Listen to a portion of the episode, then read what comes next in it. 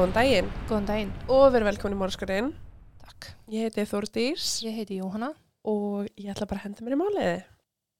Snemma morguns þann 22. júni árið 2016 barst neyðalínni símtal um eld á heimili í Bermidji í Minnesota.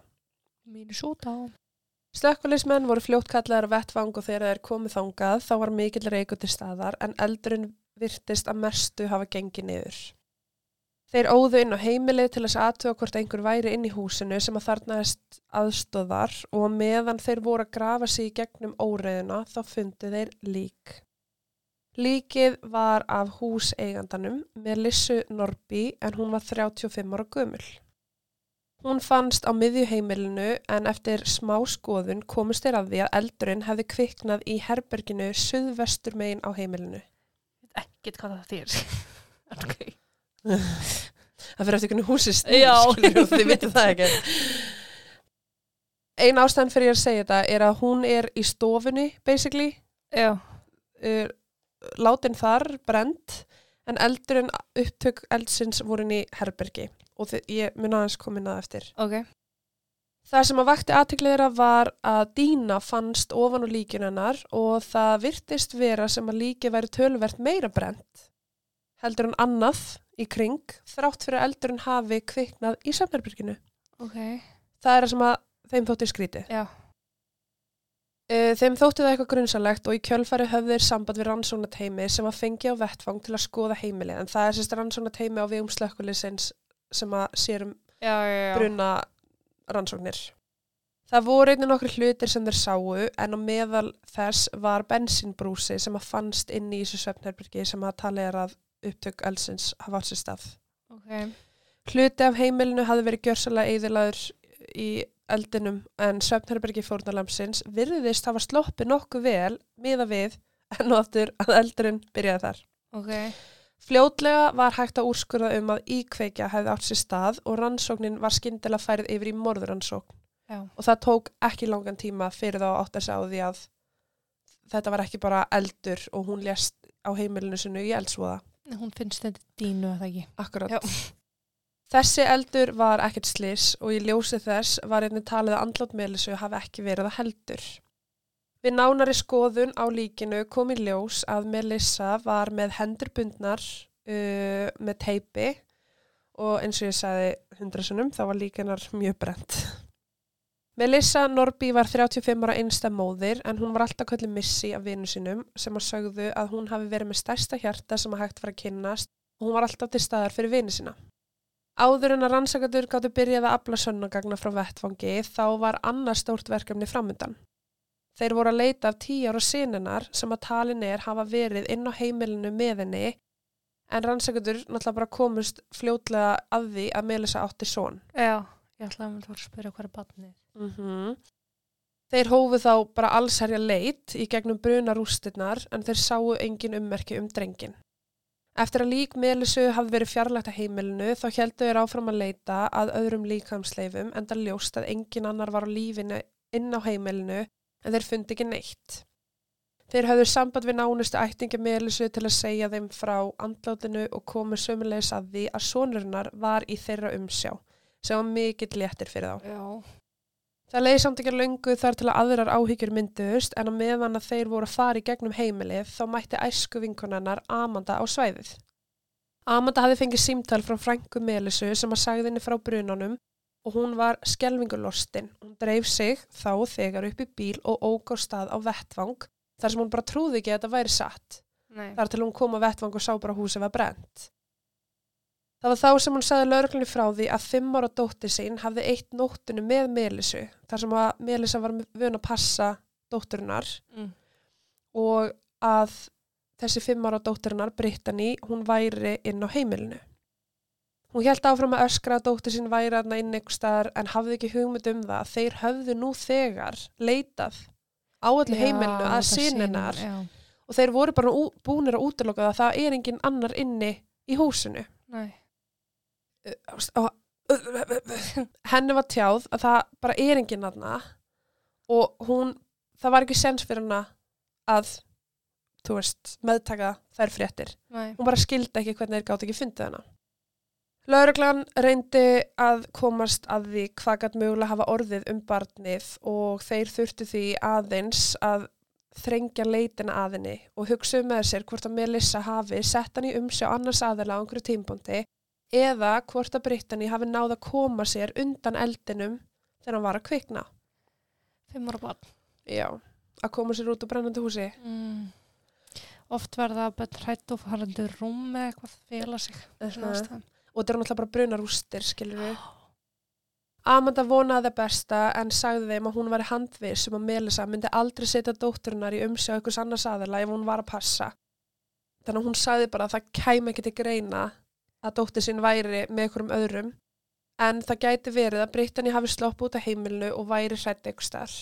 Leit var því beint umhverjus heimilið og í skólendi á bakvið en einni var leitað inn á heimilum nákarna í ruslatunum og bílunum þeirra.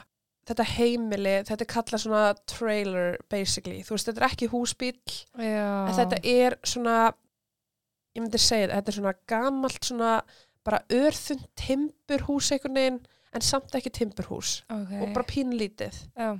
þetta er í svona, ég veit ekki hvernig að lýsa Ég, held- já, ég sé fyrir mig hvað þú meinar já, allavega. en ég mun setja myndir inn Ok. á Instagram Já, leitað var bara í nágrunnu en Brittany fannst hver, hvergi og rannsakandur spurðu Amandu á ný hvort hún væri handviss um að hún s- væri ekki bara á okkur um öðru stað. En Amanda hann, harneitaði fyrir það og henni leið svona smá eins og þeir væri að benda fingurum á hana.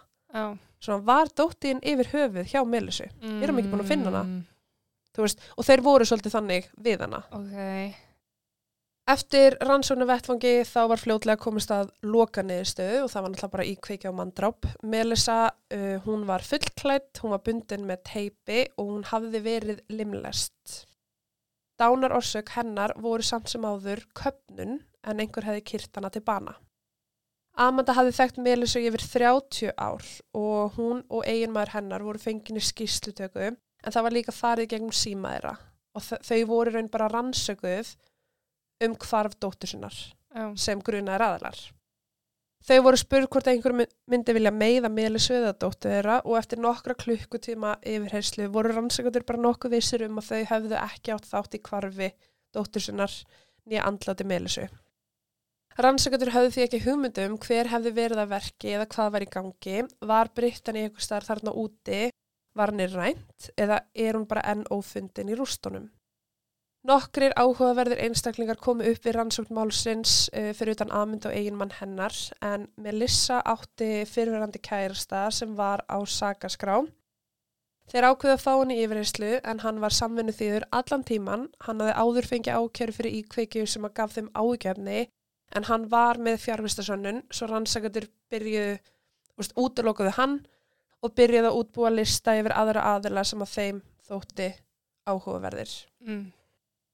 Þeir fóru að skoða helstu afbrótamenn á svæðinu, sérstaklega þá sem að hefði hlotið dóm fyrir íkveikju, morð eða barnanýð Já, því að týndu af því að stelpan er Já. týnd.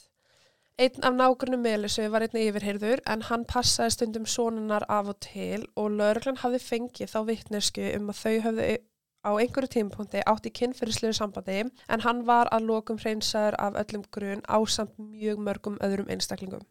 Og þannig er bara gríðarlega stór rannsón í gangi en það er þeir bara rosalega mikið að vinna í kappi tíman við að finna stelpuna. Já. Farið var í gegnum samfélagsmiðlun hennar í vonum að finna einhverja aðela þar sem hún þekkti en þeir vildi hún bara ræða við alla og nota útlökuna aðferna frekar en að láta einhvern fram hjá sér fara. Þessi rannsókt skilaði árangri en lögreglan fekk ábyrtingu frá einum af vinum Melissu en það var um kynlífið hennar. Þeir fengi að heyra það að hún var svona eins og daddy's little girl en það er ábyggil- ábyggilega vera að vitna bara að hún sé svona svolítið mikið sub hverju skiptið það máli getið Mm. spurt ykkur en ég skal segja ykkur það síðan meir en þessi vinkuna segi þeim nafnið á manni sem að Melissa hafði talað um að hún væri að deyta í laumi svona on-off en hún sagði að kynlífið væri mjög gróft þeirra á milli Ok, það er kannski ekkert allir sem að vita hvað sub þýðir.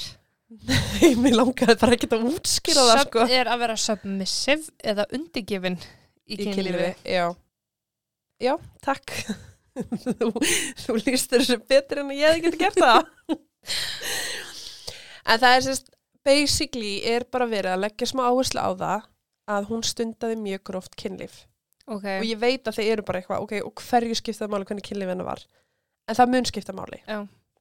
mjög miklu máli getur einhver sagt mér okkur kollab gís alltaf? reyndar, ég hef aldrei lendið í því en ég hef líka kipt svona þrjá á æfinni Já, ok, þetta er bara dagstæðilegt hjá mér. Russandi blöyt og tekur kollab.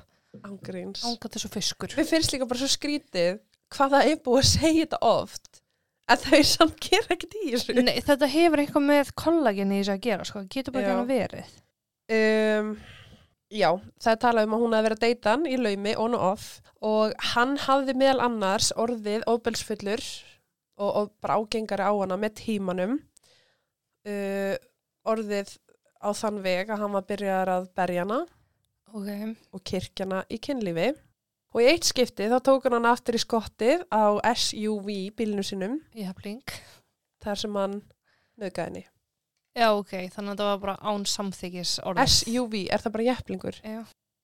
En þessi vinkuna var ekki svo eina sem að talaði um þennan gæja sem hún var að deyta en eftir nokkur viðtölu við vini komist þeir að því að, að enginn vissi neitt um þennan aðila annað en að hann var kallaður Chance og átti matartrykk sem að hétt Jake's Eats. Sætleiti Jón, velkomin á Pétur Matabak. Pétur. Pétur.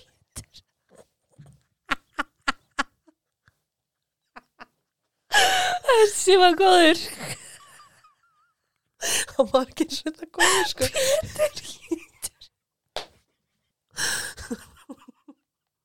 oh my god. Oh. Nú er ég ekki bara að geta halda áfram með málið. Æjæjæj. Pétur Jétur. Þannig er einhver, please. Að hóna matatröð. Oh, Hæ. allavega. Það er svolítið ástæða fyrir því að staðurinn hans heitir Jake Seat og hann var kallað Chance. Okay. Af Því hann heitir ekkert Chance. Heitir hann Jake? Já, en lögreglan þeir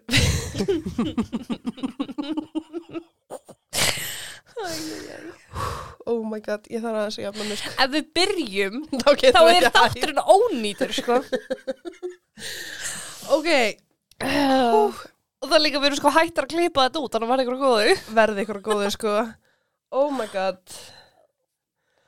Ok, back to limlistingar og brent lík Já. uh, Lögreglan, þeir vildi Ólmir finna þennan mann og hófur hann Akkur þetta horfa svona á mig Ég var að reyna að sleppa að horfa þannig ég myndi ekki lægja. Þú starðir samt á mig.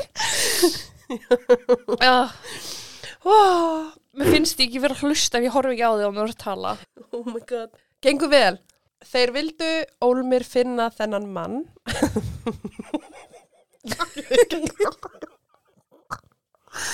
Ok, shit, sorry. Þetta eru svona var fimm hann mínútur af engu Þeir vildu Ólmir finna hennar mann og hófur rannsókn og eftir að hafa farið í gegnum fyrirtækjaskrá komist þeir að því að eigandi Jake's Eats var maður að nafni Jakob Kinn Ok, Jake, Jacob, Jacob, make a sense. já Pési, Pétur. mm. Þeir vissu strax um hvað það væri að ræða en það var hann að skrá lögreglu þar sem að hann ég veist ekki verð það er að sína með mynda líki eða eitthvað þannig ég bara hætti að hlæja. Ég ætla að horfa á Silfu skott aftur. Þórtís googlaði Silvi sko þegar að hann og henni brá, hún kastaði frá símanum sko. Ég veit ekki af hverju. Mér fannst þetta bara svo ógislegt uh, já, þeir vissu strax um hvað það væri að ræða en það var hann að skrá lögreglu þar sem hann átti sögum ofbeldi og hann var líka skráður kynferðisafbrótamaður á svæðinu. sem sagt skráður kynferðisafbrótamaður vegna þess að hann hafði sett en auglýsingu á Craigslist þar sem hann baði um að fá að taka myndir af ungum stúlkum og lögreglan hafði fengið ábyrtingu um það. Þeir sendu því lögreglukonu í verkið, sérst leini lögreglukonu, Já. sem að gaf sig út fyrir að vera móðir nýjar og stúlku sem ætlaði að leifa honum að mynda dóttur sína og hann var í kjölfarið handtekinn og ákjærður fyrir vörslu barnakláms en í símanum hans fundust ótal myndir af ungum börnum, nögtum og hann var að deila þessum myndum á ótal síður á netinu. Új, bara. Hann var brókið. Hann var enn á skilorði fyrir það brot en núna var nefni áhugaverður einstaklingur í máli Melisu og Brittany. Lögreglan vissi að þeir þyrftu að hafa hraðar hendur og byrjuði að reyna að finna út hvar hann væri niður komin. Lögreglumennir Holden og Löffelman mættu heim til Jakobs í hús sem að skráð var á hann um 10.30 þetta kvöldið. En þetta er sem sagt bókstallega bara daginn eftir að eldurinn stað. Eldurinn stað um nóttina Já. og þetta er 10.30 kvöldið eftir. Ok, næst dag. Já, þú veist, þetta er bara rosa fljótt að gerast. Ok. En þegar það er komið þangað, þá sökku hjörtu þeirra. Sökku. Já, söktu. Sökku. Sökku. Þegar að þeir sá ein... Sökku, er það, ég er ekki vissum að það sé rétt eins og niður. Ekki heldur. En hjörtu þeirra fór í gólfið þegar að þeir sá engin ummerki um hann nýja stelpuna á heimilinu. Þeir gerðu því áallunum að heyra í skilórsfulltrúanum hans og ringdu í hann og leta hann vita af aðstæðum og báðanum að hafa samband við Jakob sem hann gerði og samþykti Jakob að koma og hitta þá niður á lörglustöð. En Jakob vissi ekkert af hverju. Mm. Skilórsfulltrúin hafði bara ringt í hann og sagt, þú veist, herru, getur þú farið niður á lörglustöð? Og hann bara, "Ah, já, ekkert mál, skilur Já. Stutt eftir miðnætti gengur því Jakobin á lauruglustöð og spyr hvað sé í gangi en hann færir hann ekkert að vita þeir segist bara vilja ræða hans við hann. Hann var fenginn inn í yfirreysla herbergi og spurður út í Merlissu. Hann segir lauruglu að hann hafi heyrt um eldsvoðan og týndu stúlkuna og viðkennir að hann hafi þekkt Merlissu þar sem að þau höfðu einu sinni verið að vinna saman. Hann sagðist að tala við hana í um 6-8 mánuði og hann viti bara ekkert hver gerði þetta eða hvað gerðist. Um klukkutíma eftir koma hans á laurglustöðuna þá áttar hann sig á því að hann var þarna til þess að vera yfirheyrður um mál Melissu og Brittany vegna þess að hann átti ástasambandi með henni. Já. Hann sagðist sjálfur hafa heyrt þennan orðróm áður um að þau hafi verið að deyta og var svona, þú veist, ég skal segja ykkur, uh, ég veit af hverju Melissa var að dreifa þessum sögum. Ah. En hann segir að það sé af því að hann var að deyta aðra stelpu úr vinnunni og að hún hefði verið afbríðsum þegar hún frétta af því. Að Melissa. já, þannig að hún hefði farið að segja við fólk að þau var að deyta. Ok. Hann segist aldrei hafa laðast að Melissu kynferðislega og hann vildi bara ekki vera með henni. Rannsónulörglumenn sín honum myndir af Brittany og spyrja hvort að hann þekki þessa stelpu og hann segir já en hann segist hafa séð hana þegar hún var tveggjara sem er mjög skrítið. Þreymur árum áður. Já, sem mjög skrítið að þú Erst, mér finnst það mjög skrítið þú sást einhverju stelpu þegar hún var tveggjara nú ert að sjá mynda henni fimm ára og þú ert bara, já, þetta er sama stelpan Já. Þú veist, ég veit ekki hvort hann var kannski búin að sjá mynda Brittany þá í fréttunum eða eitthvað slíkt en mm. þú veist, þeim þótti mjög skrítið að því það er alveg mikill aldursmunur á tveggjara og fimm ára Já, líka bara mjög mikla breytinga sem hefur Já. stað. og þeim fannst alveg skrítið að hann hefði verið bara eitthvað, já, ég sá hana þegar hún var tveggjara Já. hvernig kannastu við hana þegar hún er fimm ára því að þeir síndu bara mynd, sögðu ekki neitt og sögðu bara, hefur séð þessi stelpu Já. Hann var þá spurður hvar hann hafi verið síðustu 48 tímana og í staðin fyrir að fá hann til að byrja að segja frá hvar hann var fyrir tveimundum og þar til hann endaði hér, þá báður hann um að fara sérst aftur og bak með tímalínuna. Þannig að þeir spurðu hann hvaðan hann hefði verið að koma núna en það sem Jakob vissi ekki var að þeir voru nú þegar búin að staðsetja síman hans áður en hann kom upp á lörglstöð uh, af því að þeir náðu sérst, að rekja síman þegar hann var að tala við skilarsfulltrúan sinn. Mm. Hann sagðist hafa verið í Lake sem er um 80 km norður af Bemidji þar sem að hann var að veiða en síminn hans kom inn á farsímaturn í bæjarfélagi sem að heitir Big Fork og er um 65 uh, km suðvestur af Clear Lake. Þannig að hann segist hafa verið 80 km frá Bemidji í hérna, Clear Lake að veiða en síminn hans var hinum einn 65 km suðvestur frá mm Mhm. Clear Lake. Já. Hann sagði rannsakandum að hann hafi verið að veiða þar en hann muni ekki nafnið á þeim stað eða sérst resortinu sem hann var sérst veiði kofanum í rauninni. Ok. Hann var spurður hvort einhver getur staðfest frásögnin hans og hann sagði að eigandi svæðisins geti vel gert það. Þeir byggði hann um að lýsa staðsynningunni og á meðan fer einn af rannsakandunum út úr herberginu til að sækja kort uh, og kemur tilbaka og hann bara leggur kort á borði og segir ok, getur bent mér á hvað þú varst og Jakob spyr hvers vegna þeir séu svona forvitnir um nákvæma staðsetningu og hann skildi ekki hvers vegna það skipti svona miklu máli. Ah. Gerir sér enga grein fyrir því að hann í gröna. Ekki neina. Þeir segja honum þá að það sé vegna þess að þeir hafi náða reyki síman hans á allt aðra staðsetningu og þeir vita bara að hann sé að ljúa. Mm -hmm. Jakob krefst þess að hann hafi verið við Clearwater að veiða og neytar því að hafa nokkuð tíman komið í Big Fork sem bara bæjarfélagi og skilur veist, á þessum tíma og skilur bara ekki dýði hvers vegna símin hans mynd segja annað. Okay. eitthvað, þetta er bara eitthvað villa í kerfinu. Rannsakadur telli sig vita nákvæmlega hvers vegna hann var þar svo þeir breyttum stefnu og báðu Jakob um að segja sér hvar stúlkan væri og sögðu að ef eitthvað gerðist eða fóru böndunum og hvort sem að stúlkan finnist látin eða á lífi að þá ber þeim skilda að komin heim til fjölskyldi sinnar og ég er bara svona að reyna að spila inn á samviskuna hans sem að hann er bara ekki með. Nei. Hann segir þeim að ef hann vissi hvar hún væri þá myndi hann sko segja um það og neytar bara öllu sem þeir eru að segja.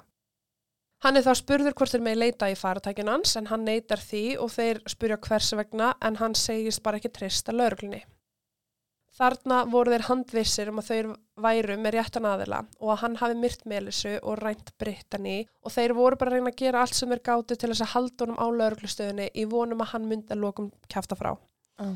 Jakob var að verða frekar óþólumóður og hann segi þeim að annarkvort getur fengið dómsúrskurð eða hann sé farin og segi þeim að hann ætla að taka bíli sinn með sér. Þegar hann er við að fara, æsist einn rannsóknaræðilinn, segir honum að halda kæfti og setjast niður en þeir eru einn hafa ekkert val um það hvort hann farið ekki. Þú veist, hann er ekki handtekinn, hann má lappa út hvena sem er. Hann má byggja um lagfræðing hvena sem er. Mm -hmm. Þeir buðu honum að ringja símtal ef hann vildi en eftir fjóra tíma það hafði lögreglan engra aðra kosta völ en að leifa honum að fara.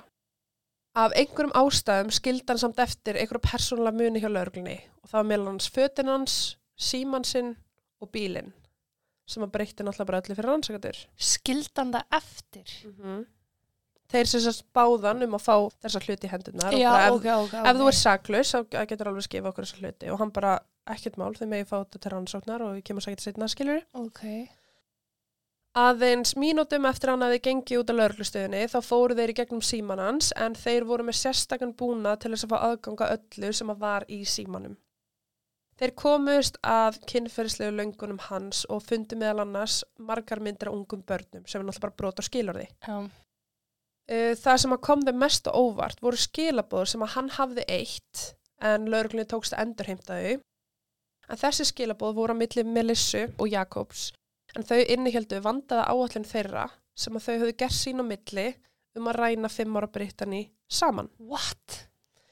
Samkvæmt þeim þá átti mannránið að gerast viku fyrr en Amanda hafði sagt lauruglunni að Melissa hafi ofta á tíðum passa dóttur sinna og talið er að þá viku sem þetta mannrán átti að eiga sér stað eh, að þá hafi Brittany verið veik eða eitthvað hafi komið upp á sem að gerða verkum að Melissa þurfti ekki að passa. Planið þeirra var að láta líti út eins og einhver hefði komið inn á heimil Melissu, ráðist á hana og rænt Brittany en Jakob myndi taka Brittany í burtu og fel hana svo hann geti haldið henni og haft hana sem leikfangi sitt. Oh. Af hverju ætti Melissa að leifa einhverjum að meða dóttur bestu vinkonu sinnar? Maður spyr sig. Já. En hún vildi augljóslega verið í sambandi með þessum manni. Var augljóslega bara mjög meðvirk Mm. Og var bara tilbúin til að gera hvað sem það kostaði til þess að fá hans aðtegli. Hún elskaði hann og vildi ábyggilega bara vera elskuð líka. En málið er að Jakob elskaði Melissa ekki neitt. Hann Nei. sá ekkert aðlandi við hana og hann var eiginlega bara að nota hana til þess að komast nær Brittany.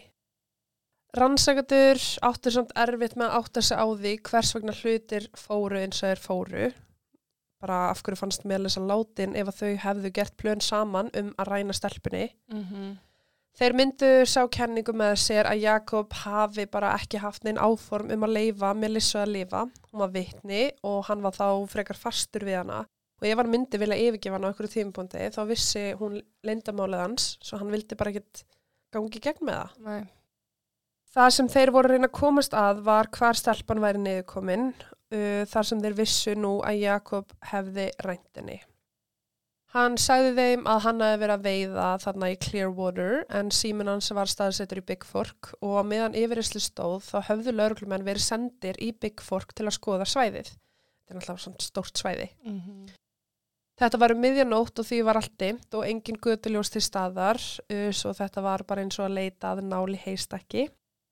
Þúsund hektara svæði og hún gæti verið hvar sem er. Gæti líka ekki eins og verið hana. Nei. Lauruglumenn höfðu skoðað undir bílinn hans á meðan hann var í yfirreyslu og þeir sáu bæði moldardrullu, gróður og gras á dekkjunum svo ljóst var að hann hafi verið að keira um á blöytu svæði þar sem var mold og gras.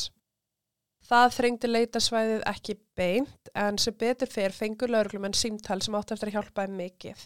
Því á meðan allt þetta var í gangi var einnig verið að skoða bakgrunn hans og þeir komist að því að hann ætti ættingja sem að áttu sérst eigna á þessu svæði sem að síminn hans var tengdu við Já. og það var sérst, um 8 km frá þessum veist þar sem að síminn hans kom upp. Ok. Þeir fóru því beinustu leið þangað.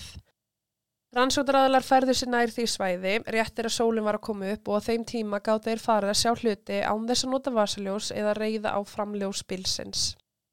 Annar kostur var að það hafði verið mikið úrhelli kvöldinu áður og veginnir sem þeir voru að fylgjast með voru sérst svona moldarveir, malaveir en alveg drulla og út af rigningunni þá var hægt að sjá dekkjafur.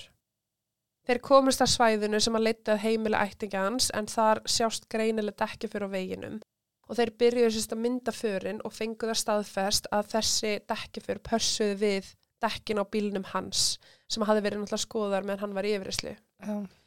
Þeir vissu að þeir væri nálgast en það voru þeir núna búin að staðsetja Jakob þarna og út af símanum hans og núna voru þeir búin að staðsetja bílinn hans á svæðinu. Þeir keira varlega niður malavegin og horfa út í allar áttir með rúðunar niður og reynda að keira ekki ofan í dekkjafjörunum því þeir vildu náttúrulega halda þeim fyrir sönnugögn. Eftir að hafa ekið bara nokkra kílometra þá endaði vegurinn og þeir sáu strax í hvaða áttir ætti að fara þar sem að förin heldur áfram á grasinu. Mennir byrjuði að fylgja slóðinni gangandi og leitaði að öllu sem að stóð upp úr og eftir að hafa gengið í eitthvað tíma þá komir auga á húsbíl í fjarska en þau höfðurinn bara verið að fylgja þessum dekkjaförum og allt í hennu stoppa dekkjaförum þar. Mm. Þeir voru að tala við yfirmenn sinni síman á meðan sem voru forvittnir um framöndum mála og þeir hefðu líka fengið vittnösku um það að Jakob var ekki lengur í yfirreyslu, húnum hafi verið sleft. Mm -hmm. Hurðin á húsbílnum var teipuð först, svo eitt er að fjarlæði limbandið þegar teipið og opnaði hurðina rólega. Þeir byrjuði að kalla inn og spyrja hvort það sé einhver inni og segjast vera frá. En þeir eru reyna að taka allt upp á farsíman hjá einum þeirra á meðan þeir eru aðna og þegar þeir gengu inn þá sáu þeir stelpuna liggjandi á rúminu en hún var bundin saman. Þeir segin að hún þurfi ekki að vera hrætt því hún sé örug. Oh, En hún var á lífi. Oh my god. Þeir spurja hana hvort það sé allt í lægi, hvernig hún komst þangað og hvenar hún komst þangað og hvenar hún kom þangað og litla stúlkan gæti líst faratækinu hjá þeim sem hafði tekið hana en það var náttúrulega bara bílinn hans Jakobs. Hún var með teip á höndunum uh, sem að sagði að væri að meiða sig og hún sagði raun að það væri eini staðurinn sem hún fyndi til. Það var sem sagt á höndunum en hún var líka með far eftir teip á öðru stöðum þannig að hún hafði verið teipuð sagt fæturnir saman og alls konar svo leys. Okay. Hún sagði þeim í raun allt sem hafði gengið á og sagði að uh, sá sem hefði ræntinni hefði átt kettlinga sem hún hefði fengið að klappa. Lauruglumenn tók eftir blóði á rúminu og gerðu strax ráð fyrir því að þetta blóðu væri úr Brittany og ekkert meir um það. Þeir ringja í amundu og seginu frá því að Brittany hafi fundist á lífi. Uh, Rob, eitar hann sagandun, hann losar um manna og tekur hann í fangið og Don nær myndaði og sendir á amundu. Þeir hafa strax samband við yfirmenn sína og láta það vita að hún hafi fundist og í kjölfari var gefin út handtökurskipan á Jakob. Jakob fannst agandi um á bíl föður síns en hann var á leiðinni í áttina að húsbílnum. Já. Það er fokkanum alltaf hann að gera þar. já, og það er talið að hann hafi verið á leiðinni þangað til þess að drepa hana og losa sig við líkið því að nú var hann búin að vera í yfirherslu var hann hrættur um að þeir var að fara að ná honum og þess vegna hafa hann skilið eftir síman sinn af því að nú vissi hann að lauruglan gæti rakið símanas. Já. Þannig að hann var bara Þess eitthvað, vegna var hann svona samstarfsfús. já, út af því að þeir voru búin að segja, herri við röktu símaðan í Big Fork, þú Mhm. sagðist að vera klérvotir. Hann bara, herri þið mig alveg taka síman maður. Já. Jakob var því handtekinn og tekinn í gersluvarald. Hann fekk síðasta tækifæri til að koma hreint út með hvað varðum stelpuna ómeðvitaður um að þeir væri búinir að finna hana. Já. Hann sagði aftur að hann hafi ekki átt í neinu samband við Melisu og sagðist ekki að hafa hitt hana í eitthvað tíma. Og eftir nokkra mínútur vill Jakob vita hvers vegna hann var handtekinn og hvað hafði breyst frá því að hann var yfir hyrður tveimu tím áður. Og það var þá sem að eitt rannsakandinn síndónum myndina af Brittany í örmónum á Róp og þeir sögðu við hann að það sé komið tími til að hann fylli eðunar. Jakob viðkennir þá að hann hafi verið heima hjá Melissu nóttina sem eldsvoðan átt sér stað. Hann var spurður úti að hvort hann vissi að Brittany væri að fara vera á staðnum og hann játaði því. Hann sagði að hún hafi verið aðna einu sinni áður á meðan hann var í heimsókn og það er sko eitthvað að tala um að þegar að það var að þá hafi Brittany verið inn í herbergja meðan þau voru stund að kynlíf og eitthvað ógeðslegt. Ok. Já. Hann sagði þeim að morgunin, 22. júni, þá hafi hann og Melissa verið að stunda gróft kynlíf og tala sérst um að þau, plönin þeirra voru að binda upp Melissu og svo ætti hún að vera bundin og hann myndi taka Brittany og hún myndi ná að ringi lögreglu og segja ára sem að þeir hefði komið og rænt stúlkun og hún fannst, finnst bundin. Mm. Þannig að Melissa er bundin og þau eru bara eitthvað, ú, þetta er ókslega sexy, þannig að við skulum stunda kynlíf á meðan. Mm. Já. Þannig að þau ákveða stunda kynlíf á meðan Melissa er bundin og á sérst einhverju tímpunkti þá tekur hann upp beltið sitt og byrjar að kirkjana. Uh, ok. Uh, Melissa deyr við það, Í hita leiksins. Veit það ekki. Nei. Nei, mér finnst það mjög ólíklegt. Mm. En það sem hann ger næst er að hann fer og tekur Brittany heim til sín, þar sem hann í raun bara lokka hana til sín af því hann sagði hann eftir kettlinga sem hún mætti fá að klappa. Mm Heima hjá sér, þá misnotar hann Brittany og skilur hana síðan eftir þar bundna á meðan að hann fer aftur heim til Melissu, stillir upp líkin hennar, limlestir og ger allt sem hann ætlaði að gera og kveikir í henni og húsinu. Setna það sama kvöld fer hann og sækir Brittany og færir hana í húsbylinn í Big Fork. Þar sem hann gerði það sama aftur. Þar með fannst blóðið. Mm. Jakob gerði samning við saksóknara og játaði þessi segan um þrjú brot, annars stegs morð á gáleysi en það er vegna þess að Melissa var þekkt fyrir að stunda gróft kynlíf og þar sem að hún var kyrti dauða þá var ekki hægt að sanna það hvort að það hefði verið gert viljandi eða Mm. óvart. Já. Bara það. Þa, það er bara bull. Maðurinn drap hana, Já. vísvitandi, en bara það að vitnuðu komið fram og vinnarinnar höfðu sagt að hún var viðun að gróft, gróft kynlíf að þá er þeir bara eitthvað, já, hún vildi láta kirkja sig og þetta fór bara úr böndunum. Býr til vafan. býr til vafan og þess vegna fær hann morð af gáleysi en ekki ásetningi, þetta er náttúrulega 100% ásetningur. Mm. Það er þannig að mjög mikið tilvílun að komi fyrir akkurat þarna. Já, líka ef þetta gáleysi, ringdi lögreglu. Já. Losaði beltið. Já, losaði beltið. limlesta líkið og... Ég veist líka bara þegar einhverju er búin að missa meðutund og þá finnst mér alveg tími til að, að þú veist, mm Mm sem er fílað að gróft skilur og allt Mhm. svoleiðis, en þú þarft líka að þekkja mörkin. En þess svona einblindi er svona mikið á þetta í byrjun um grófa hennar og það er vegna þess að hann fær hérna annars stigs morð af gáleysi. Jakob var dæmdur í 52 ára fangelsi og Brittany þurfti ekki koma og bera vitni sem betur fer.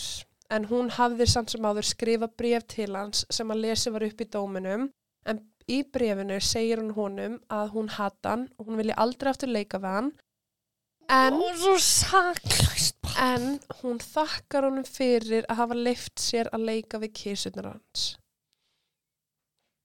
Hún er að þakka, ói, þú veist þetta brýt, sko það brýtur í mig hjartað eitt og sér að brefið hennar var bara ég vil aldrei eftir að leika við þig, ert, ég hata þig, þú ert ömulegur en takk fyrir að leiða mér að leika við kísunar Já.